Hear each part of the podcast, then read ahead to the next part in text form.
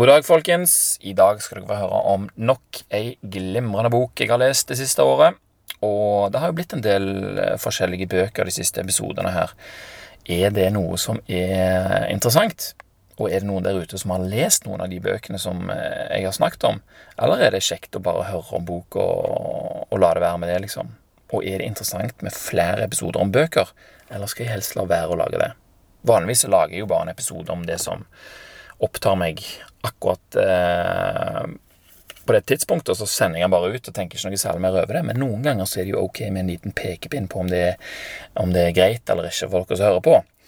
Så hvis du har noe å si om det, så skriv gjerne en kommentar inne på en av episodene på podkasten.no. Eller du kan sende meg en mail på eivind1podkasten.no. Eivind med EY, da, selvfølgelig. Eh, hvis du vil det. Men nå skal vi over til The Man with the greatest voice on earth.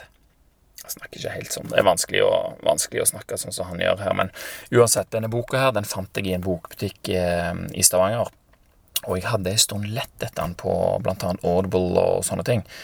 Eh, men jeg hadde bare funnet sånne kortversjoner av, eh, av denne her boka, 'Awaken the Giant Within'. Og det er ganske merkelig, egentlig, siden Tony Robins, som er forfatteren av boken, er mesteren av motivasjonskassetter. Jepp, du hørte rett. Kassetter. Det betyr at han er old school. Men han er jo har jo aldri stoppa og, og, holdt på, liksom. Og nå er han jo større enn han noensinne har vært. Både i størrelse og i omfang. Eh, og grunnen til at jeg hadde vært på utkikk etter nettopp denne boka her, det var en kommentar fra Tim Ferris i det ene intervjuet hans eh, der han sa at han hadde lest Jeg lurer på om det var et intervju med Tony Robins, faktisk. Men han sa uansett at han hadde lest denne her 'Awaken the Giant Within' eh, nylig, da, bare for å sette seg litt mer inn i tankesettet til Tony før eh, et intervju. Og selv om boka er fra tidlig på 90-tallet, med referanser til Berlinmuren, onde russere og latterlig lav PC-kapasitet, så er resten av innholdet fremdeles superrelevant. sant? Og det kan det jo være for stoisk filosofi òg, som er 2000 år gammelt, så det er gjerne ikke så overraskende, det. Men uansett så altså så er det like mektig nå som det var når boka kom. Og når jeg hører noe sånt, at folk liksom virkelig wow eh, sier et eller annet eh, på den måten der, så vekker nysgjerrigheten min, og da havner den boka i mitt eh, mer eller mindre bevisste eller ubevisste søkelys, og vil i løpet av uviss tid havne i mitt eie da på en eller annen måte. Og plutselig så sto han der rett foran meg på en bokhandel i Stavanger, helt random, og det er egentlig ganske kult. For noen ganger så setter jeg bøker som jeg hører om, jeg setter de gjerne på ønskelista mi inne på, på Amazon eller Adlibris eller eh, Bokkilden eller sånne ting. Mens andre ganger så kommer jeg bare over noen titler som jeg gjerne, jeg har i den på ønskelista mi, eller i alle fall har vært i, i søkelyset, da. Og så havn, plutselig så er det der, rett på en bokhandel, på en bruktbu, eller hjemme hos en kompis, eller andre, andre plasser. Og på den måten der så havner det jo da flere og flere og flere bøker i bokhylla, og jeg får lest mer og mer. Og mm, jeg syns det er veldig kjekt å finne, eh, finne bøker som eh, som klarer å lære meg noe skikkelig bra, da. Men eh, ofte når jeg leser for f.eks. jobben, så kommer folk sånn 'Hvordan får du tak i alle disse bøkene?' og sånt. Men det er altså på den måten der. Du hører om ei bok en eller annen plass, og så setter jeg den på ei ønskeliste. Og så leser jeg gjerne den boka, og i den boka så står det kanskje om en annen bok, og så blup, havner den på ønskelista, og så dun, dun, dun, dun, dun, dun. Plutselig så er du liksom langt inn gjennom en eller annen eh, Langt ned i et kaninhull der som, som du ikke helt vet hvordan du har kommet oppi, men det er liksom sinnssykt kult da når du får en sånn en, eh, et sånt raid der det er masse eh, masse interessante bøker som på en måte fyller hverandre opp. Eh, ikke at denne boka her er sånn. Den er jo dritkul i seg sjøl. Det er jo derfor jeg velger å lage en episode om han nå. Men uh, det var i hvert fall sånn han havna i bokhylla. Det var sånn jeg leste han, og det har jeg ikke angra på ett sekund, altså. Men hva er det som er så bra med denne boka der, da? Sant? Altså, jeg er jo egentlig partisk fra start, siden jeg allerede digger Tony Robins. Uh, om ikke annet så er jo stemmen hans nok til å overbevise meg. Sant? Den der, du, hvis du har sett uh, Det er jo forresten på Netflix så er det jo en uh, film, I Am Not Your Guru, som handler om Tony Robins. Den går det an å se. Uansett, noen hater han, men det er enda flere som elsker han, og nettopp det tror jeg er en viktig del av det å la seg påvirke av det som Tony sier. Og jeg har funnet mye god nytte i eh, det han sier, og er av de sistnevnte de som elsker Tony Robins. Digger han. Boka hans om personlig finans, 'Money Master the Game', det var den første jeg leste. Han har ikke skrevet så veldig mange bøker, men de han har skrevet, er liksom pff, veldig kraftige, da. Og den Money Master the Game den endrer måten jeg forholdt meg til min personlige mm, økonomi på. Og ganske nylig så kom det en enda mer raffinert og praktisk bok om det samme temaet, som ikke var på 688 sider, sånn som Money Master the Game var. Og den hjalp meg å forstå enda bedre hvordan forvalte penger på en enkel og grei måte uten at det krever så mye mer enn å gjøre noen få grep her og der. Vel verdt investeringen. Og når jeg tenker meg om, så har jeg tjent inn boka minst 1000 ganger siden jeg kjøpte den, bare på å følge noen av de rådene i boka. Det tok meg liksom to sekunder, ja, realistisk ti minutter, å gjøre noen få endringer som har gjort at jeg har tjent inn boka minst, minst 1000 ganger, og mange, mange flere tusen vil det bli etter hvert. Så denne boka her, 'Awaken the Giant Within', ante meg at kunne ha gode ting for seg. da, Og det har han. Først og fremst så handler dette mye om hvordan vi kan tenke når noe skjer med oss, så er det ingenting vi kan gjøre med hva som har skjedd. Men det vi kan gjøre noe med, er jo hvordan vi reagerer på det som skjer. Sant? Dette er jo ikke akkurat rakettforskning eller en ny tanke på noe slags vis. Det er jo det filosofene alltid har snakket om. og ja, Det er jo bare sånn det er. Men ved å lese om det og forstå det, så vil det jo lettere å kunne sammenligne egne hendelser og eksempler eh, i boka, og dermed finne et mer ønskelig utfall som gir deg noe positivt for deg sjøl. Og Denne boka her starter med å forklare mange av metodene som Tony har kommet fram til gjennom årene.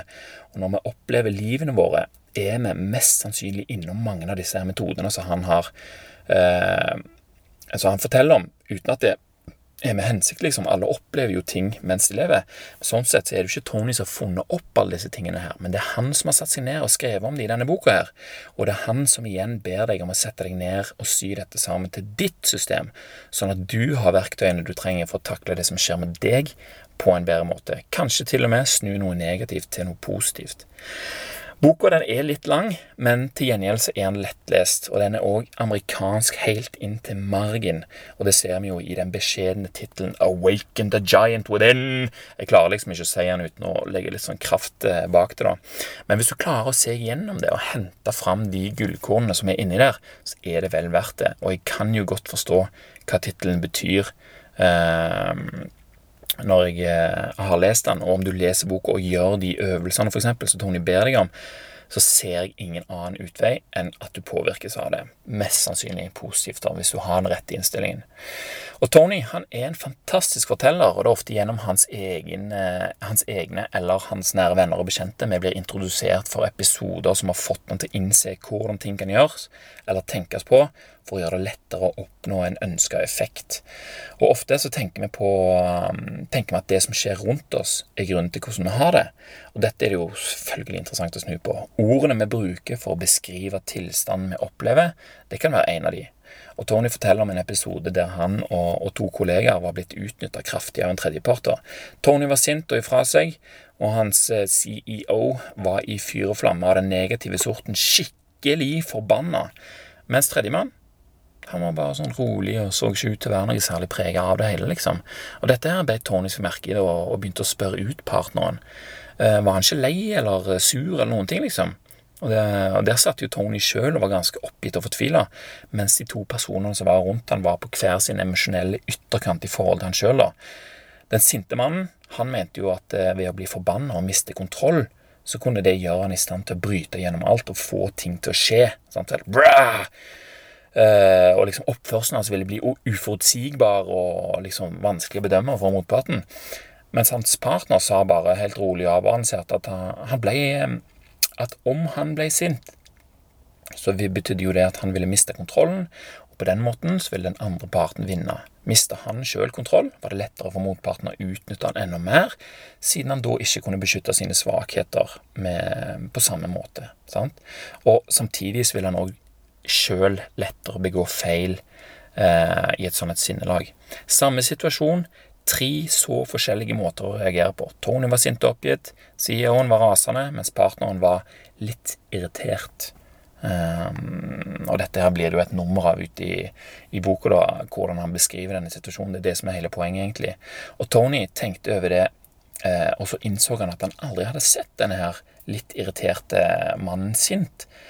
Og så spurte han da hvordan eh, For han vet, visste at det hadde skjedd noe sykt irriterende med han tidligere. Han spurte hvordan hadde han reagert når eh, Skattefuten for noen år siden hadde feilaktig, en feil fra de side, tatt 250 000 dollar av han, og at han hadde måttet bruke to og et halvt år på å få det tilbake igjen. Gjorde ikke det han utrolig sint og frustrert? Nei, egentlig ikke. Kanskje jeg ble litt eh, sturen. Nå har jo jeg oversatt sturen da fra Maybe I was a bit peeved, står det i boka. Sturen? Peeved? Altså, hva for et ord er det å bruke for en seriøs forretningsmann? Hvordan kan han si noe sånt og fremdeles ha et seriøst uttrykk i ansiktet? Men når han så nærmere etter, så så han at han hadde jo ikke det. Det så jo nesten ut som om han koste seg når han snakka om hvordan han, eh, hvordan han takla det. Og Dermed så begynte Tony å tenke at ordene vi bruker for å beskrive tilstanden vi er i, kan endre måten tilstanden påvirker oss. Er du med? Hvis du er fly forbanna, men beskriver tilstanden din som at du er litt sturen, så er det ikke så lett å holde seg seriøst lenger. Og dermed så er humøret ditt forandra, og det samme er sinnstilstanden. Og Da blir det straks lettere å se situasjonen i et litt mer realistisk lys, istedenfor å maksimere krisen, som en gjerne gjør når en er forbanna. Det kan jo slå alle veier, for, for, for den saks skyld. Eh, og Da forsterkes gjerne problemet, og det blir vanskeligere å få oversikt over hva som har skjedd, og hva vi bør gjøre. Men hvis du er litt sturen, endrer humøret seg, og deretter så endrer òg måten eh, man ser situasjonen på. Og dette her jo Tony han tok dette her pivd-ordet med seg hjem, og han og kona hadde en liten krangel, liksom, og bare sånn ah, ja, nå ble jeg skikkelig Eller nå ble jeg litt eh, sturen, altså, når du sier sånt. Og hun bare Hæ? Hva, hva du mener sturing? Hva slags ord er det? Og så begynte de å le liksom sammen. Og da fikk jeg nok et bevis på at eh, ha, jeg kan bruke sånne løgne ord til å beskrive en måte jeg, eh, jeg føler meg på der og da, for så at den, det ordet da i seg sjøl, eller følelsen av det ordet, vil endre hvordan, eh, hvordan jeg har det. Sant? Og gjennom boka så får du da flere spesifikke verktøy som du kan bruke med en gang, sånn som denne her. Uh, og det er noe med det som blir fortalt, at det er nettopp det du får lyst til å gjøre når du hører det. Tony er jo veldig flink til å legge fram uh, ting sånn at du enkelt forstår det Og det blir nesten for dumt å ikke gjøre som han foreslår, hvis du forstår hva jeg mener. Og noe av det første jeg prøvde meg på, var å bevisst endre humøret og holdningen min. Og Tony foreslår flere ganger i løpet av boka at du tar fram penn og papir. Eh, og det er jo selvfølgelig sånn så er litt sånn Jeg vet ikke For min egen del så er ikke det favoritten min, liksom. Eh, og du kan jo klart gjøre det uten òg, men da vil jeg jo påstå at du mister noe av effekten. I denne boka her så tok jeg fram penn og papir. Eh, og så satte jeg opp ei liste over ting som jeg vet endrer humøret mitt til det bedre. Sant? Eller det minste endrer fokuset mitt, sånn at jeg kommer ut av en eventuell eh, negativ spiral. da. Alle har jo noe. Jeg for skrev jo opp da at en treningsøkt gjør meg i bedre humør. En kald dusj, en hvil, og bare det å smile. sant? Det leste jeg om i i uh, Thinking Fast and Slow. Jeg kan ringe en av brødrene mine, jeg kan stikke ut og snakke med hønene, jeg kan puste, meditere osv. Og, så og det tok ikke mange dagene før jeg begynte å bruke denne lista her til å endre humøret mitt med vilje. Og tenk for en kraft det ligger i det. Altså, det er ikke ene og alene opp til omgivelsene å bestemme hva slags humør jeg skal være i. Det er noe jeg til en viss grad kan bestemme sjøl. Til en viss grad. Vel. Og dette her snakket jeg òg om i en, tidligere i en episode jeg lagde. Da Eh, jeg en formiddag var veldig sur og trøtt, og så tenkte jeg at vet du hva, dette gidder jeg jo ikke. Så tok jeg meg en kort lur, en treningsøkt og en iskald dusj. Sant? Og da var jeg jo i en helt annen form. Det sier seg jo sjøl. Eh, og så begynte jeg å tenke bakover da i tillegg. Hvordan var jeg blitt sur denne dagen? Så tenkte jeg jeg hadde jo sovet dårlig. Og hvorfor sov jeg dårlig? Jo, jeg hadde spist dårlig. Og når jeg visste dette, så kunne jeg jo programmere humøret mitt for neste dag. da, sant vel? Og hva som skjedde? Det ble jo sånn jeg hadde bestilt. Og når det blir en evne å planlegge i større eller mindre grad hva slags humør du skal være i i morgen, da har du muligheten til å påvirke livet ditt og livet til de som må forholde seg til deg, veldig mye. Og det er klart at det, det er ikke alt som går til planen hver gang, men en kan iallfall legge opp til å øke sjansen for gevinst i humørlotteriet, om du vil se på det på den måten. Det er faktisk ikke noe lotteri lenger. Det er en evne til å endre humøret ditt på kommando. Desto mer du gjør det, desto bedre blir du. Og nettopp evnen til å styre livet sitt i en ønska retning er jo noe av det som gjør at denne boka her har endra livet til så mange personer. Og det var litt om her og nå, liksom. sant? Dette her er jo en strategi vi kan bruke om, eh, om du får en uønska hendelse i fanget når du minst venter det, f.eks., eller eh, står opp og har en dårlig dag. sant? At du kan ha noen triks som du kan skjerpe deg eh, med, sånn at ikke det hele dagen blir ødelagt, liksom. Og det er en av de tingene denne boka her handler om. Men det er òg bare en bitte liten del av det. Og jeg kommer ikke til å gå i dype detaljer. Jeg tar jo ikke med alt som står i denne boka, den er dritlange. Men litt strø her og der må til for at du skal kunne skjønne hvordan denne boka kan hjelpe deg. For det er jo det som er best, at du leser den sjøl og finner ut hva du kan gjøre. Eh, hva du kan få ut av det, istedenfor å høre på hva jeg fikk ut av det. Så her kom en annen ting jeg prøvde, eh, og fikk mye ut av. På Tonys eh, historie Nei, skal vi se her. Tonys eh, historie om hvordan han en gang eh, satt på et tog i Russland, transsibirske jernbanen, tror jeg det var. Så begynte han å tenke liksom, og Av og til når du er plasser, så begynner du bare plutselig å tenke. Og det han tenkte på, begynte han å skribla ned på et sånt kart over Russland som han hadde, hadde, med seg. Så begynte han å sette opp eh, masse forskjellige korte og langsiktige mål som han hadde for seg sjøl, og som han kom på der og da. Eh, noen mål var bare på noen uker, andre var på en måned, seks måneder, ett år, to år, fem år, ti år osv. Og, og ved å ha og med å skrive ned disse her målene og, og ta dem fram i nyene, så hadde han jo disse målene i bakhodet.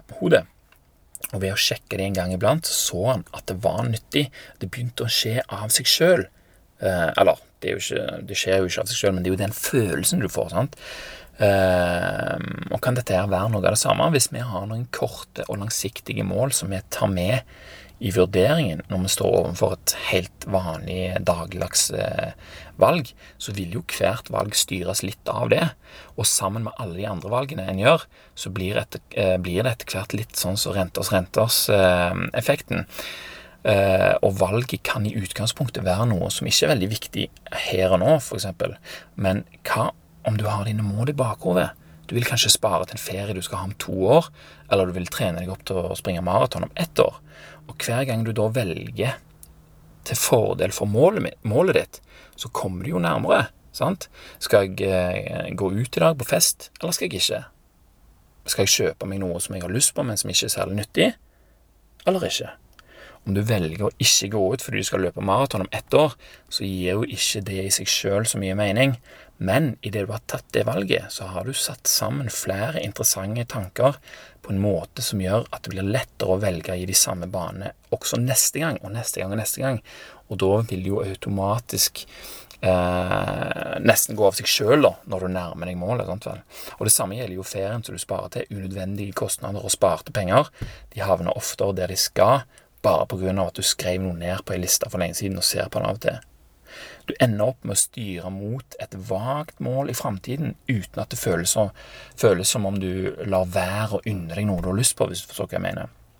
Du har mer lyst på målene i, listen, i lista di.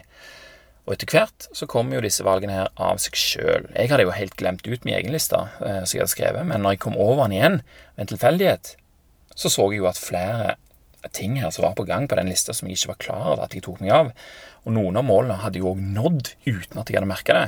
Og Det var ganske kult å oppdage, og det gjorde så klart at jeg satte den lista her noe høyere i verdi enn hva jeg hadde gjort før, da, når du oppdager verdien av det, faktisk. sant? Og det er jo ofte det som er litt plagsomt, at det, det må gå litt tid liksom, for at du skal få den effekten.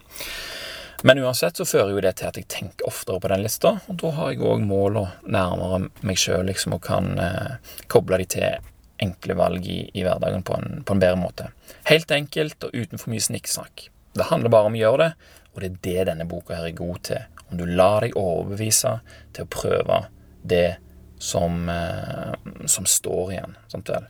Alt sier seg egentlig sjøl, men når Tony forklarer det, så får du lyst til å gjøre det. Eh, Iallfall sånn jeg opplever det. da. Tidligere i år så lagde jeg en episode om ett av temaene i denne boken, her, verdier. og Det er episode nummer 38, Mot og verdier. Eh, det òg er det et eh, langt kapittel om i boka her. Veldig, veldig um, kjekt kapittel.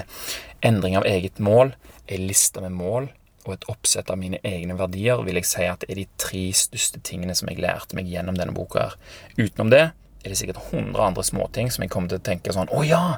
Det var her jeg fikk det fra, ja. sant? Eh, for jeg kommer jo til å lese den boka igjen, det er helt avgjort. Og det er ofte da du kommer på liksom sånn ah, dette gjør jeg jo nå, liksom. Det var det jeg oppdaget når jeg leste den Mastery igjen. Da fikk jeg jo helt sjokk. Uh, så jeg kommer til å lese den igjen, og jeg kommer til å anbefale den igjen. Og jeg uh, hadde jo syntes det var dødsgøy da hvis noen har lest den boka og har lyst til å sende meg noen tanker som de gjorde sjøl om han. Men det er en grunn til at Tony Robins er så stor som han er, både fysisk og, og pff, Hva skal du kalle det? Tilstedeværelsen hans. Han er god til det han gjør, og han resonnerer veldig godt med publikummet sitt, og det gjør det lett for publikummet å ta ansvar over sin egen skjebne og slutte å oppføre seg som et offer for omgivelsene. Og idet det skjer, så er mye gjort. Kort og godt kan vel si at det hele handler om eh, akkurat det. Awaken the giant within. Alle har muligheten til å endre seg sjøl og sin situasjon uten å vite hvordan. er det selvfølgelig vanskelig, men når du har fått det forklart på den måten Tony Robins forklarer det, så blir det vanskelig å ikke ta grep. Kjøp den, Still deg inn på amerikansk mentalitet, les den og gjør det boka får deg til å ville gjøre. Anbefaler òg Unshakeable om du vil lære mer om hvordan økonomien faktisk fungerer, og hvordan du kan bedre din egen. Snakker for så vidt litt om det i episode 17, om du vil høre på den. Ja, og det var det, alle sammen. Tony Robins. Hør gjerne mer av Tony på f.eks. Tim Ferris Show eller lignende om du trenger mer boost for å ta opp en av bøkene hans. Jeg har en ambisjon eh, for høsten og det at jeg skal begynne å sende ut litt flere e-poster til de som har meldt seg på nyhetsbrevet mitt. Er det en god idé, tror du? Hvis du syns det, meld deg på podkasten.no på nyhetsbrevet der om du vil ha. I hvert fall så skal jeg gjøre et forsøk på å sende ut litt mer om eh, det som jeg kommer over i det daglige. Og i mellomtida så vil jeg minne på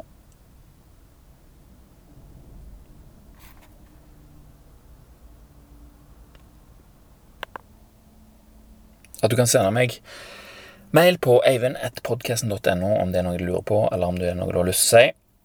Takk for meg, takk for nå, og ikke minst tusen takk til deg som hørte på. Vi snakkes neste gang.